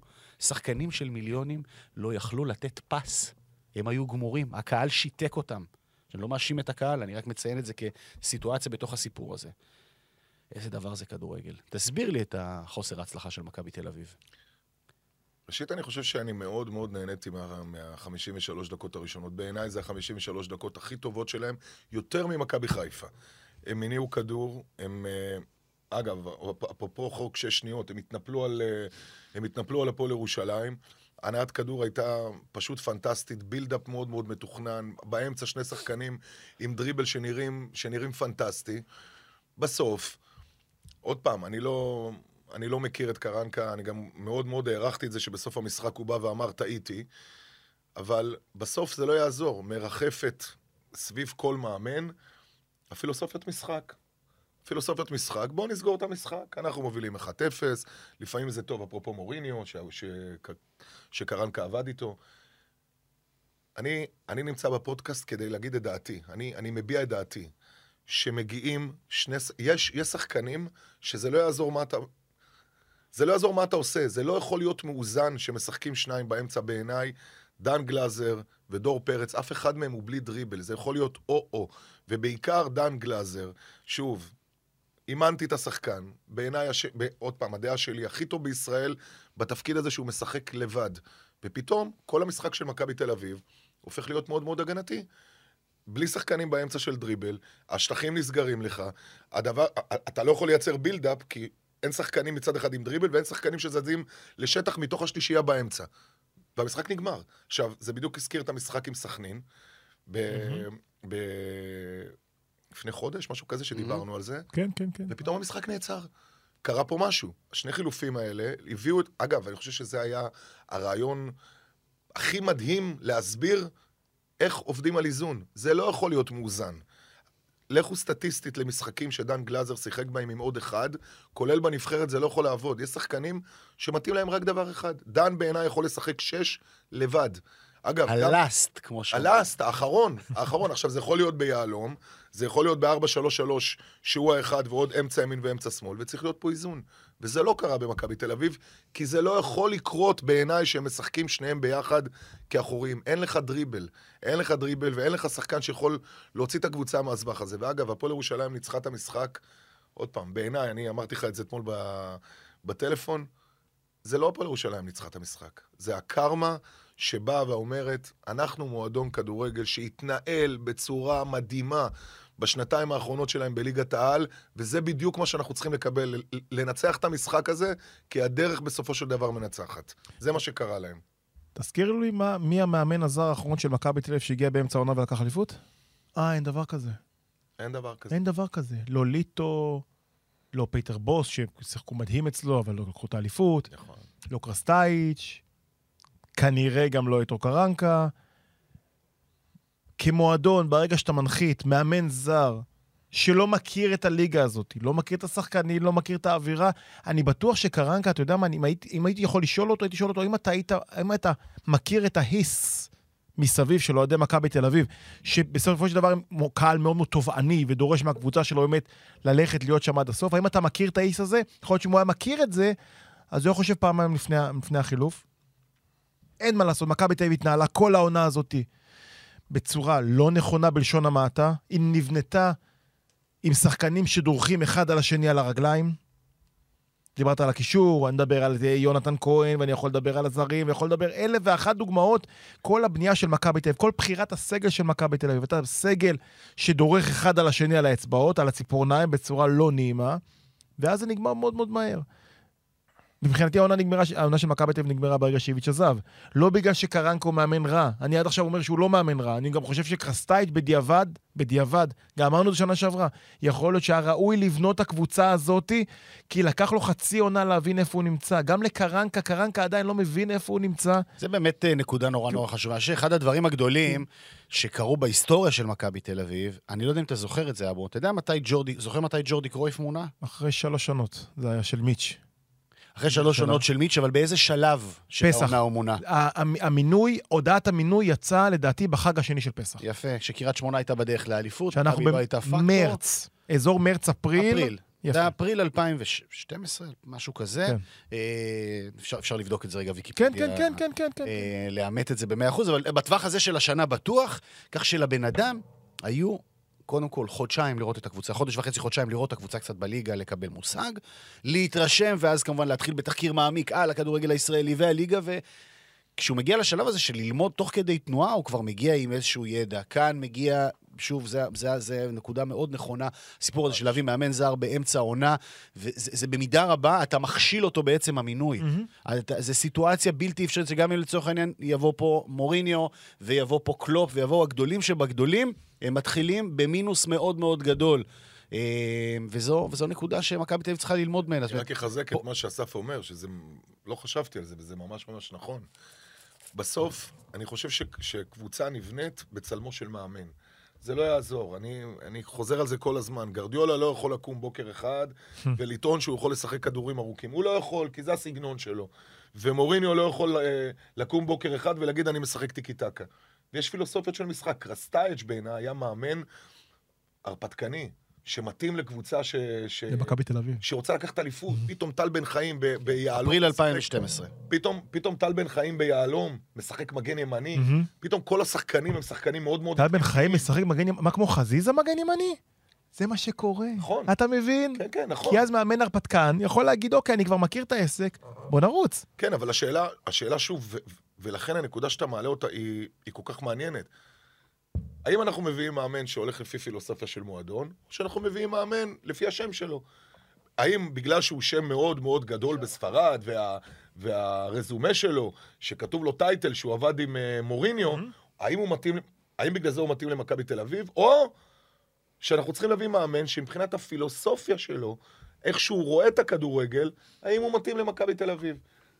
זה בעיניי הדבר החשוב, ולכן מה שאתה אומר זה כל כך, אה, זה כל כך רלוונטי. כי אם אתה מחליף בחצי עונה, אתה צריך להביא מישהו שבאמת מתאים בדיוק למה שאתה, למה שאתה צריך. אגב, אני אגיד רק את הסגיר שלך, כי דיברת על ג'ורדי וזה. אני זוכר תמונות של ג'ורדי יושב בי"א, בחום אימים של מאי, לראות משחק של אשדוד נגד, נראה לי זה היה קריית שמונה, זה, בשביל ללמוד לאן הוא הגיע. אולי זו גדולתו של ג'ורדי. ג'ורדי פיצח את הכדורגל לו, אבל- הישראלי. אבל להגנתו, לא. להגנת מכבי תל אביב, הייתה לו את הפריבילגיה להיות נכון. מוכתם בזמן, נכון. להסתכל וללמוד. לא, אבל אני אומר, הוא לא בא ללמוד את מכבי תל אביב רק, הוא בא ללמוד גם את היריבות של מכבי תל אביב, וככה הוא בנה את האליפות הגדולה של אוסקר ב-2013. אז זוהי מכבי תל אביב, מן הצד השני עמדה הפועל ירושלים, שלא מפסיקה להדהים ולהגשים חלומות, אה, משלימה אה, באמת עונה ניסית מבחינתה, אה, עם מקום בפלייאוף העליון, מחזור אחד לפני העונה הסדירה.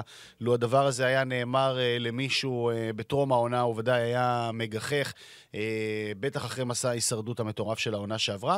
אה, אני אגיד לכם, אני אנסה בקצרה, אה, אני, באמת חשוב גם שאני אעשה את זה בקצרה, כי עוד יש לנו עוד פרק שלם על הפועל תל אביב וביתר ומה שאירע בטדי, ועוד כמה תובנות על עוד כמה קבוצות בליגה, ואנחנו, כמו שאתם רואים, כבר מנופחים מבחינת הזמנים, אבל כיף לנו, אז בואו בוא נמשוך עוד טיפה. הפועל ירושלים החלה את העונה הזאת, זו הייתה עונה רביעית של זיו אריה במועדון. דיברנו לא מעט, גם עוד אה, יחד איתך, אה, שי, על האתגר הגדול הזה של שנה רביעית של מאמן בקבוצה ישראלית. חשבנו שיש איזושהי תקרה מסוימת בעונה רביעית. זאת אומרת, מה זה חשבנו? ההיסטוריה מוכיחה, ברק בכר עונה רביעית בבאר שבע, מיצה את עצמו. סלובו וברדה בנתניה עונה רביעית, מיצה את עצמו. בחיפה. רוני לוי, מכבי חיפה עונה רביעית, לא הלך, זה קורה, זה, זה איפשהו בדפו, בדפוסים של הכדורגל הישראלי אה, אה, מוכח כאתגר מאוד מאוד גדול שיש גם- לצלוח גם אותו. באירופה. ודאי. אה, הפועל ירושלים היו ערים לכך ועשו שני דברים משמעותיים. זאת אומרת, אחד הוא, הוא כמובן מובן מאליו, אתה מחזק ובונה את הקבוצה קצת אחרת, בתקווה שתצליח לפגוע ברכש שתעשה. והדבר השני, וזה פה הייתה חשיבה מחוץ לקופסה, וזה בעיניי סוד ההצלחה המקצועית.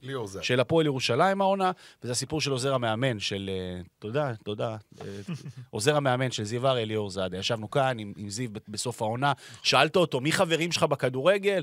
והוא ענה לך, זאדה, היחיד. והתשובה הזאת של זיו אה, באיזשהו אופן די סללה את הדרך לקראת מינויו של ליאור זאדה. נגיד ליאור זאדה, מי שלא מכיר, אימן את נס ציונה בליגת העל לפני שלוש שנים, אבל הוא בעיקר מאמן לאומית, מוערך מאוד, ש, שבאמת בנה את עצמו מלמטה. בהקשר של הפועל ירושלים, הוא הלך איתה מליגה ג', בנה, בנה את עצמו יחד איתה, אימן אותה וזכה איתה גם בגביע הטוטו בליגה הלאומית, והתקבע כמאמן לאומית. שבעיניי שווה הרבה יותר, אבל זה כבר סיפור אחר. ו... ו... והעונה קיבל החלטה לא פשוטה.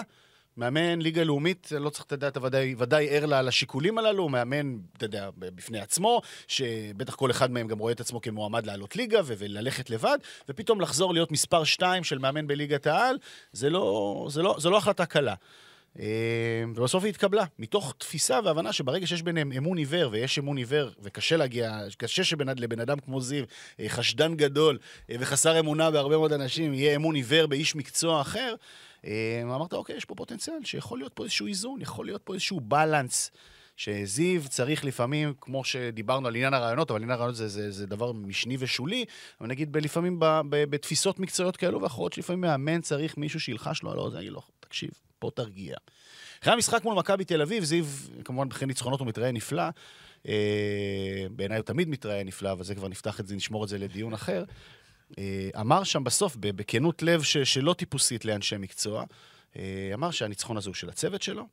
אה, אה, אני מוסיף בסוגריים, כשזיו אריה פוגש את מכבי תל אביב, הוא משתבש. זאת אומרת, זה היסטורית קורה.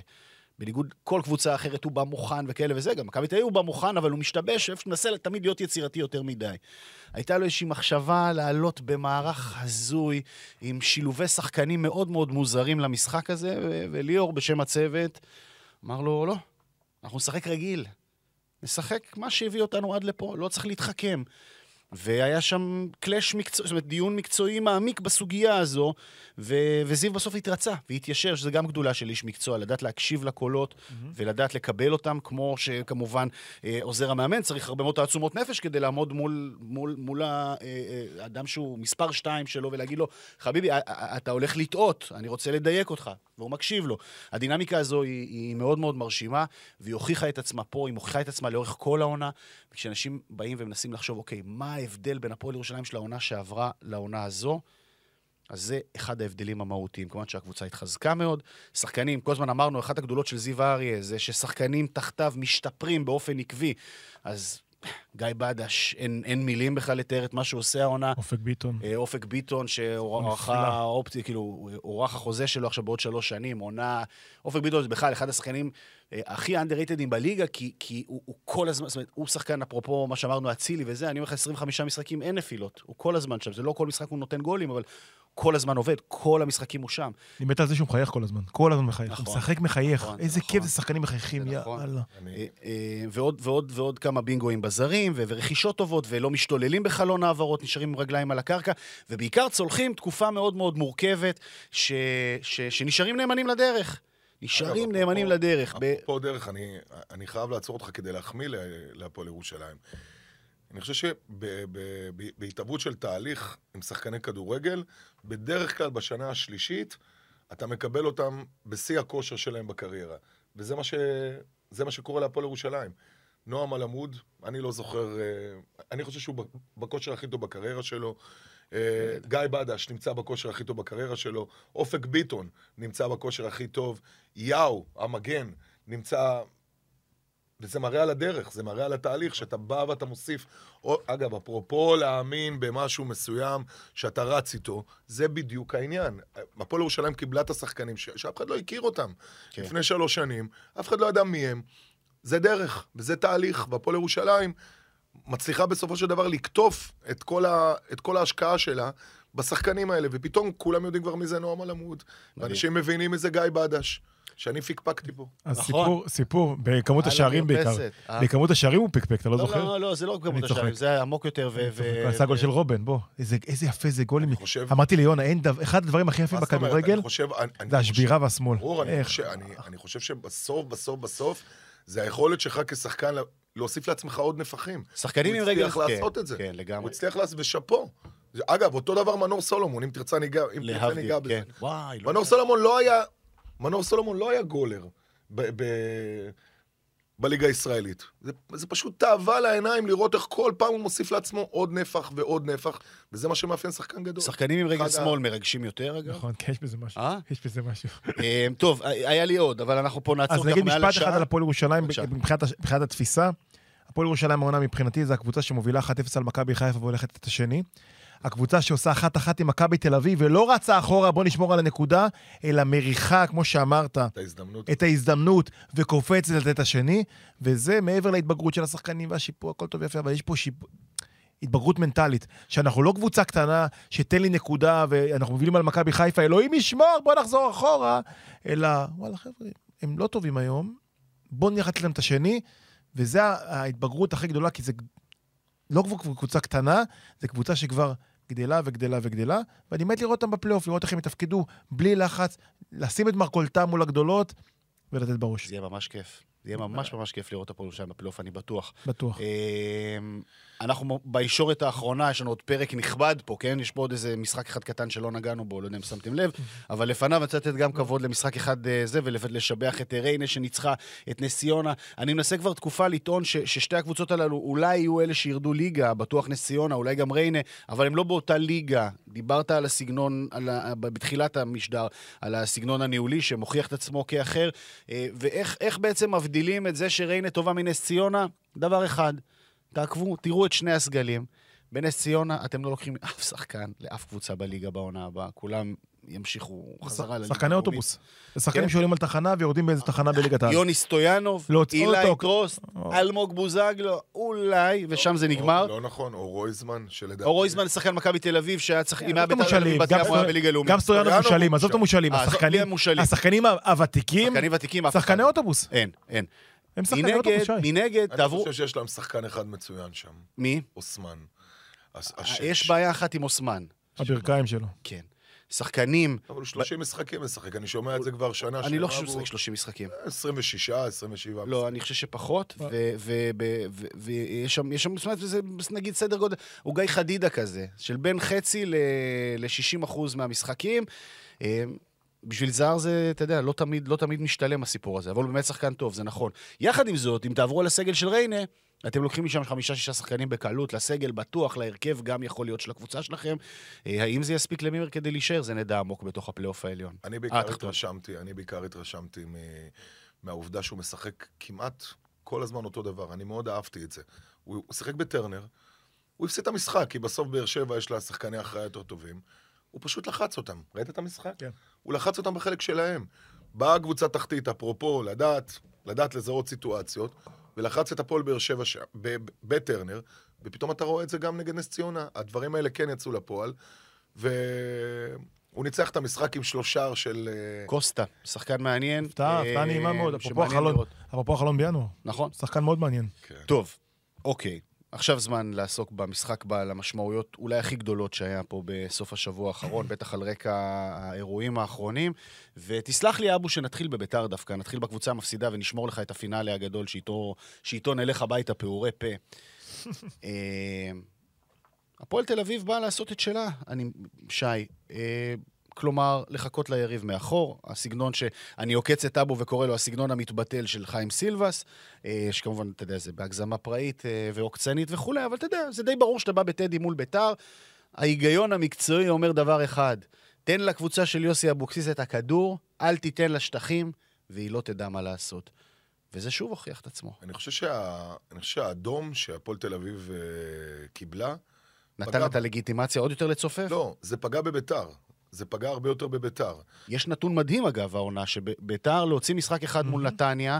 כל המשחקים שהיריבות שלו היו עם שישה, עשרה? שחקנים. שישה כן, משחקים? כן, משחקים כן, רק נגד נתניה הם ניצחו. כן, אה, שאז כבר זה היה 6-3 כזה, זה כבר היה ב... משחק מטורלל לגמרי, אה, זה זה נתון. פסיכי, זה לא נורמלי. אבל זה מאוד פשוט, כי יש...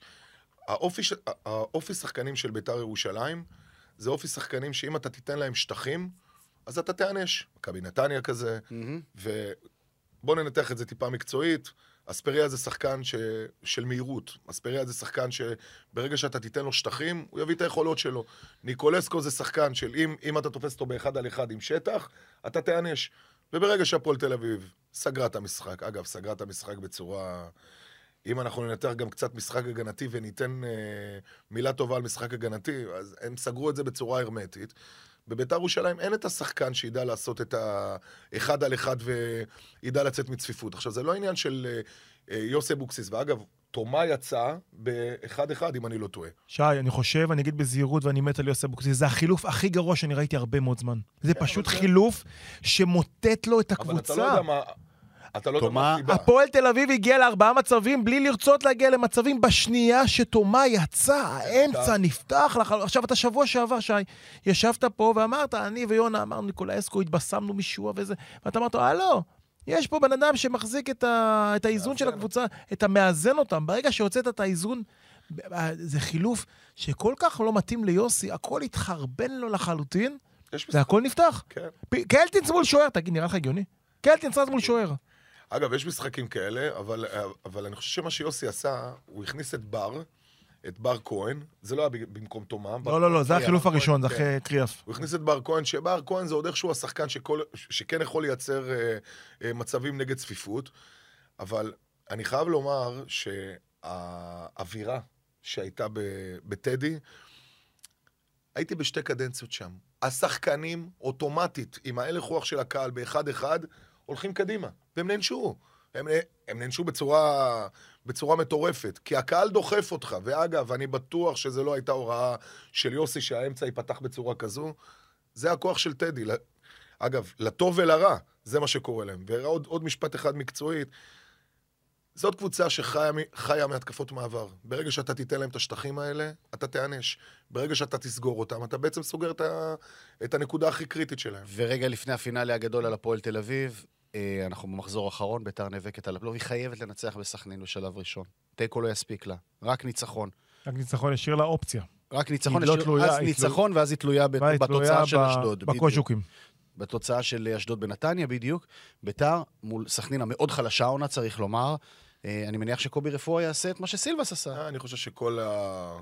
הפערים אה, נמחקים ברגע שיש משחק בין ביתר ירושלים לסכנין, בדיוק כמו שכל הפערים נמחקים, כמו שיש משחק בין ביתר ירושלים להפועל תל אביב. אוקיי, אז זה הוכח ביום ראשון האחרון, אז הפערים נמחקים, ועדיין ביתר תצטרך להתמודד במשחק בעל, אני מניח, מוטיבים זהים, או שנראה מה, את סכנין יוזמת, מחזיקה בכדור. אני לא יודע אם נראה את סכנין משחקת אוטובוסים בבית, שי. לא? סכנין? לא. כביכול, סכנין העונה היא משחקת לכ- פתוח, היא חוטפת. לכאורה אין לה יותר מדי מה. להפציץ. זאת אומרת, כן. הם די רחוקים מהקו. כל מה שיש להם בשביל לתת איזשהו ממתק לאוהדים שלהם, סליחה על הביטוי, זה למשוך את ביתר לפ- לדפוק לפלייאוף את. ביתר, כן. לדפוק את ביתר. זה מה שנשאר להם העונה. זה מה שנשאר לסכנין, עצוב מאוד, אבל זה מה שנשאר לסכנין. ברור. לכן אני לא בטוח שזה יהיה משחק הגנתי פר אקסלנס, אני לא יודע, גם קובי לא מאמן יותר מדי הגנתי, לכן זה, לא יודע, לא אגב, יודע איזה משחק אגב, הולך שווה להיות שם. לבדוק את זה, אתם אוהבים סטטיסטיקה, אבל לדעתי האחוז ניצחונות של ביתר ירושלים על סכנין הוא הרבה יותר גבוה בדוחה מאשר, ב... אני חושב שאתה צודק. מאשר בטדי. מאשר בטדי, מסיבה אחת, מהסיבה שציינת, כי לפעמים הקהל דוחף אותך במשחקים האלה לאובר ואתה מאבד את הראש. אני ממש לא חושב שלביתר ירושלים יש משחק קל בסכנין, אני חושב שזה משחק סופר קשה, כי באמת צריכים לדעת את, ה... את היריבות בין שני המועדונים כדי להבין שהפערים בקלות יכולים להצטמצם שם. מעניין מאוד. זה הולך להיות אה, בשבת, אנחנו ניפגש ביום שלישי הבא, אבל נראה לי שזה עכשיו... תלוי בביתר, דרך אגב. כל השבת-? לא, כל השבת הזאת. אם ביתר תהיה בפלייאוף, אני חושב שאם ביתר תעבור את סכנין, היא תהיה אם היא בפלייאוף. תנצח, היא תהיה שם? אני חושב שמכבי נתניה, עם ה- עם ה- עם ההלך רוח האחרון בנתניה, עם הטירוף של נתניה, היא תצליח לגבור על אשדוד. ניצחון של ביתר זה אומר שאשדוד חייבת לנצח. לא. ונכון, נכון, ו... לא, לא, תיקו לא, תיקו תיקו- מספיק, לא. תיקו מספיק לאשדוד. סליחה. אני לא יודע אם אשדוד מסוגלת לשחק תיקו, למרות לה הגנה נהדרת. אני חושב שאם ביתר תבוא לדוחה ותנצח בדוחה, היא תצליח לסדר לך עוד דרבי השנה.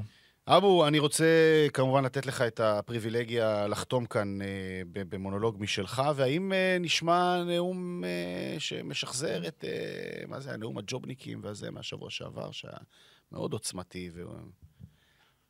אמרתי או לא אמרתי, שי, בחייאת רבאק? כן, יונ- יונו כעס עליי. בשם, בשם תומכי הלחימה של צה"ל, בוודאי. בסיום- עכשיו זה. בכלל נהיה טרנד ל- לרדת על ברור. חיילי צה"ל, חס וחלילה, כן? אתה זה- קורא לסרבנות? חס וחלילה. דרך אגב, הם היו סרבנים. זאת אומרת, נגד, נגד מועדון ספורט אשדוד, הפועל תל אביב, וסילבס אמר בסיום המשחק, בסיום ההפסד לאשדוד, בצורה מאוד חכמה, יש לי הרבה תובנות מהמשחק הזה. יש כאלה שאומרים, ויש כאלה שעושים. היה לו תובנות מהמשחק הזה. הוא לקח את הסרבנים ושם אותם מחוץ לסגל. מי הם הסרבנים? שלומי אזולאי, ניב זריאן, והוא החליט, אני אקח את הלוחמים, את תומכי הלחימה, את הלוחמים האמיתיים, למעבר קווי האויב. למשחק עם בית"ר ירושלים, המשחק הכי קשה שיש. וברגע שהוא עשה את זה, משהו קרה בהפועל תל אביב. כי הפועל תל אביב, דה, עכשיו ננסה לדבר על כדורגל. כי באמת, זה, זה באמת ניצחון הרוח, כמו שפתחנו, וזה הפרק הזה, זה ניצחון הרוח של הפועל תל אביב. זה התסריט שכתב אותו אריק איינשטיין, עלי מוהר, האוהדים הכי שרופים של הפועל תל אביב, שאגב, כתבו את התסריט ב-15 במאי 2010, סליחה, מאוהדי מכבי חיפה. כי מי שזוכר את ה-15 במאי 2010, ברק יצחקי השווה, קנדה הורחק, הפועל שיחקו בעשרה שחקנים בטדי במשחק האליפות ההיסטורי של זהבי, ניאמה החמיץ פנדל, לא? עניימה החמיץ פנדל, הכל התחרבן להם, פותח סוגריים, לא התחרבן, הכל נבנה לרגע אחד בדקה ה-95, שהוא נוקאוט שלא היה למכבי חיפה זמן לקום. אני תמיד אמרתי במשחק האליפות של הפועל, שאם הפועל היו כובשים בדקה ה-70, מכבי חיפה מנצחת בני יהודה 4. הם היו שומעים, ארבע מנצחים. הנוקאוט היה בשלב מושלם. וזה מה שקרה גם הפעם. כל הבנייה, הפרחים לפריד, עם החלטות שיפוט הזויות, שבנה את הקבוצה הזאת, שבנה את המשחק הזה עם עשרה שחקנים, שהביא את הפועל תל אביב למצב של איך כל העולם נגדנו, איך כולם באים לדפוק אותנו, ואז הם באים, מנצלים טעות קשה מאוד של אבוקסיס, טקטית, ומנצחים את המשחק. לא היה תסריט יותר מושלם מהתסריט הזה, יסלחו לי אוהדי בית"ר ירושלים. כמו שאתם שומעים, זה תסריט שתכליתו בסופו של דבר היא אמוציונלית, תשוקתית, נטו, נטו. שמחפשים אין- בכוח נקודה מקצועית בהפועל תל אביב. רגע, ואני כי, חושב- כי אני לפני שאתה אומר את הנקודה המקצועית, כי לא היה שום דבר מקצועי במשחק הזה. לא היה, זה היה לא. משחק מטורלל, חסר היגיון. חסר, תסריט הזוי, אבל תסריט מושלם מהצד של הפועל, ותמצא נקודה מקצועית. אני אגיד. לא, יש לי נקודה, טוב, תגיד אתה את שלך קודם. אני חושב שזה החזרה של הישאם ליוס. זאת אומרת שהוא כנראה ה- ה- הכישרון, כשנדבר על איכות, ברדה תמיד אומר איכות ואיכות ואיכות ואיכות.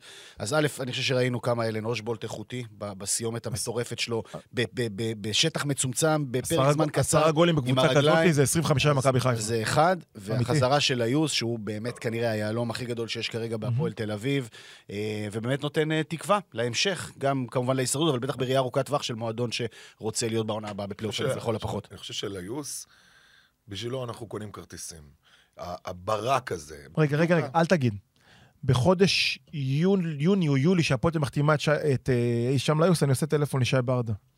אומר לי, תשמע טוב, הבינגו של השנה. נכון. אה, אני כל מי שראה ליגה לאומית. אמרתי לו, כפר. קאסם, הוא אומר חצי ליגת על רדפה אחריו, נכון, מהלך ענק של הפועל תל אביב, תמשיך. נכון.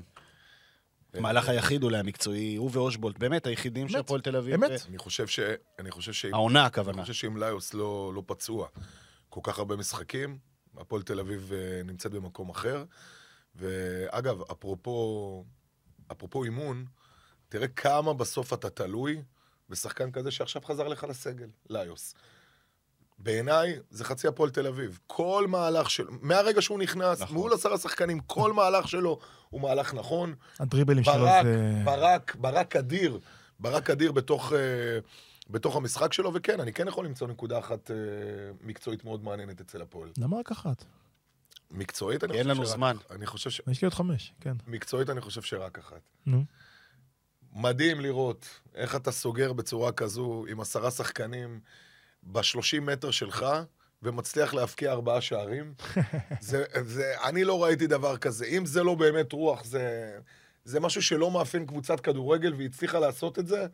אפרופו אז העניין הזה, סליחה שאני בורח שוב, וערד רוצה לחנוק אותנו, כי אנחנו מאוד ארוכים, אבל הוא יסלח לי גם הפעם. אתמול ראיתי את יש קבוצת פקקים, ארד, מותר, יש פקקים, אנשים אוהבים, אנשים יושבים אתמול- בפקק. אתמול ראיתי... את- מיד מיד הולכים לשניצל.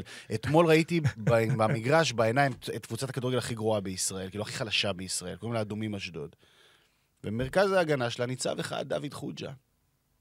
אני חושב שאפרופו, גם זה, גם זה נעוץ. בביתר מיהרו לוותר, מיהרו לוותר על, אה, על אה, שחקנים ועל שחקני בית, תמורת עוד רכש ועוד רכש, ומשחק ההגנה שלהם היה, אתה יודע, ארבע עקיצות בארבעה מהלכים, זה מטורף. זה מטורף. ואני חושב שמגיע המון המון המון המון מילים טובות לחיים סילבס. חיים סילבס הפסיד בסך הכל במשחק אחד בהפועל תל אביב. חיים כמה סילבס... הוא ניצח? אוקיי, שניים. כן. אבל אני תמיד אומר שקבוצה נשארת, נאבקת על המקום שלה בליגה, תיקו זה לא דבר רע. עוד נקודה ועוד נקודה ועוד נקודה ועוד נקודה, ואיך שאתה אוגר.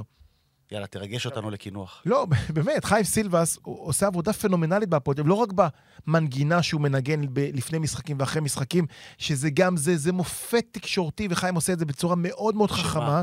איך שהוא מדבר על זה שלא היה צריך לקיים את המשחק, למשל, איך הם הגיעו הוא למשחק. דיבר נהדר אחרי המשחק, אבל הוא בכל המשחקים הקודמים זה היה, אתה יודע, אם אה, יש, מבקרים, מבקרים את הקולגות שלו בצדק, אז גם אותו צריך לבקר, היה לו טקסטים חסרי קשר למציאות. תלוי איפה, תלוי איפה. ברוב, המקרים. לא, והתראיין נהדר אחרי ביתר, אז, אין אז, מה לומר. אז אם, ב, אם כל המשחקים הוא מפסיד במשחק אחד, הוא, הוא, לוקח, הוא לוקח קבוצה, סליחה שי, אני יודע שאתה מאוד אוהב את סלובו, אבל סלובו פשוט לא, לא הבין איפה הוא נמצא, כי הוא חושב שיש לו קבוצה אחרת. שיחק בצורה הרפתקנית חסרת פרופורציות, והוא אמר, אוקיי, אני אשחק הגנתי. ואז הוא לוקח ילד כמו אור, אור ישראלוב, ושם אותו במרכז ההגנה, כאחד מבלמי העתיד של הכדורגל הישראלי. קוסלובו שם אותו בהתחלה. נכון, אבל לא בשלושה בלמים. לא בשלושה בלמים. אוקיי. ואליאם קנצפולסקי לפני האדום, שהיה נהדר במרכז השדה וחילץ הרבה מאוד כדורים, ופתאום הפועל תל אביב מתחילה להיבנות כמו שהיא רצתה להיבנות בקיץ. ואתה אומר שהוא לא יישאר בעונה הבאה. חיים סילבס לא יישאר בעונה הבאה. אוקיי. הוא לא יהיה מאמן של הפועל תל אביב בעונה הבאה. אני יכול להגיד לך, וראינו אתמול את את הידיעות, הפועל תל אביב נבנית בצורה מופתית לקראת העונה הבאה. לוקחת חברות ייעוץ, חברות אנליזה כמו שצריך. מי זה, מי זה המנהל מחלקת כדורגל הזה? חן? סול זה שמו, הוא היה מאמן, הוא מאמן קבוצת נערים. ראיתי. אה, אנליסט של הקבוצה הבוגרת, עבד צמוד למומן בוקסנבאום. אני לא מכיר אותו באופן אישי, מדברים על איש? מקצוע יוצא מהכלל. אני יכול להגיד לך שהוא לא יעשה, אומרים שמנהל תחום הכדורגל כמו ברק יצחקי, לא, הוא לא יהיה כביכול חזק כמו ברק יצחקי, כי הוא יהיה יד ימינו והעיניים והאוזניים של ניק המונד, שאגב נמצא בישראל כבר. אפרופו ג'ורדי קרויב בונה את הפועל, בנה את מכבי תל אביב, ניק המונד, האיש החזק בהפועל תל אביב, כבר נמצא בארץ, הוא יגיע ביום שני למשחק נגד מכבי חיפה, הוא מתחיל לבנות את הקבוצה, הם לוקחים אה, חברות אנליזה, הם לוקחים חברות שיעזרו להם לבנות אה, מערכי אימון כמו שצריך. אפרופו כל מה שדיברנו בפרק הזה, אל תיגעו בבדש ויאו, זה המסר שאני שולח. אני לא, תשמע, אני לא יודע, עזוב את זה עכשיו, זה אני לא יודע מה הם ייגעו ומה הם לא ייגעו עדיין, אני כן יודע מי כן יישאר, אבל בהנחה והפועל תל אביב תשרוד את העונה הזאת בליגה, ואני מקווה שהיא תשרוד את העונה הזאת בליגה, תגיד לו, נו. הם שש מהקו, אני כרגע, בהנחה שיישארו. עד שזה לא חתום זה לא חתום, אבל אני כן אומר, איזשהו מסר לחברים ולקולגות, בשביל הסגיר, כי אתה רוצה סגיר יפה, צריך איזשהו ני קטן. אה, בבקשה, גם ש- בשבוע כזה, תראו, המסר של הפועל... אין גבול שים- לצביעות. תנו- גם בשבוע כזה תמצא לא, נקודה לא, להתבכיין. לא, אבולעפיה, לא על מונולוג. הפועל, אני- בבקשה, בבקשה, באופן כללי. כן, כן, ודאי. מי שמסתכל, מי שיסתכל בבוז על האחים מינסברג, כי לא נראה לנו איך שהם בונים את הקבוצה, ואיך יכול להיות שיש יותר מדי משקיעים, ואיך יכול להיות שהם לא רציניים, שיראו איך הם בונים קבוצת כדורגל. כי המשפט הכי חשוב שדייוויד מינסברג אמר, בחצי שעה שהוא דיבר עם התקשורת בשבוע שעבר, והייתי שם, חבר'ה, אני לא מבין כלום בכדורגל, אני אביא אנשים שהם כן מבינים בכדורגל. וזה המסר. לכל אלה שאומרים, האמריקאים האלה לא מבינים, כן מבינים, הם, הם באים לפה, הם באים לפה, הכי אהבתי, לבנות שנתיים ולפרק בשביל להרוויח אנשים- כסף. זה, זה, הם זה פה המשפט כל כך יפה ל-15. וצנוע של הבן אדם, לבוא ולהגיד אני לא מבין בכדורגל. זה- כשמי שמעז לבקר אדם שאומר דבר כזה, שיחזור למסיבות העיתונאים האומללות של מושיקו חוגג למשל, שנדהם, שנפל בשבי הדריבל, מהמם. שיחזור, בדיוק. וואלה, לעוד דמויות נלעגות מההיסטוריה של הכדורגל, כאלו שהם גם היום בעלים, שחושבים שהם מבינים משהו במשחק הזה. חלקם מקבלים מחמאות נהדרות על זה שהם שופכים ערימות של כסף, אבל אין להם מושג בכדורגל, כי הם סתם שופכים כסף לשווא. אם זה באזור אצבע הגליל, או, או במקומות דרומיים יותר, צניעות זה ערך עליון. ויותר מהכל מסר, המסר שלהם, אנחנו פה לא לשנתיים, ולא לשלוש, ולא לחמש, ואפילו לא לעשר. יש פה חברה שרוצה לבנות מועדון כדורגל ולהחזיר אותו למרכז הבמה. על כן, כמו שדייוויד מינסברג כתב אחרי הניצחון על בית"ר ירושלים, וואו, fucking incredible. פעם שנייה שהוא אומר את המילה הזאת פה בזה, אנחנו נקנוס אותך, אבו, זה... הוא זה- בעננים? אה? הוא- מותר לו. הוא מול בעננים, לגמרי, הוא אופורי. אחרי שבע שנים של... כלום ושום. דבר. אפשר, יש אור בקצה המנהרה, רק שלא יהיה רכבת, רק שלא יהיה רכבת. זה היה אחד הפרקים הארוכים בתולדותינו, ויכולנו עוד להמשיך. אתם יודעים למה? כי פשוט נורא כיף לדבר איתכם על כדורגל. אסף אבולעפיה, שי ברדה, עונג גדול. שלישי הבא? שלישי הבא, סוגרים עונה סדירה, סוגרים משחק מרכזי, מתחילים להיערך אוי לפלייאופים. ואבוי אם גיא בדש לא ב-11 של העונה, זה אוי הרומני, כן? אוי ואבוי אם אתה לא-. אתה לא מנצח בשבת. אוי אה, ואבוי. נגד ריינה, חייב. אני חושש. תודה. תודה רבה. תודה לערד.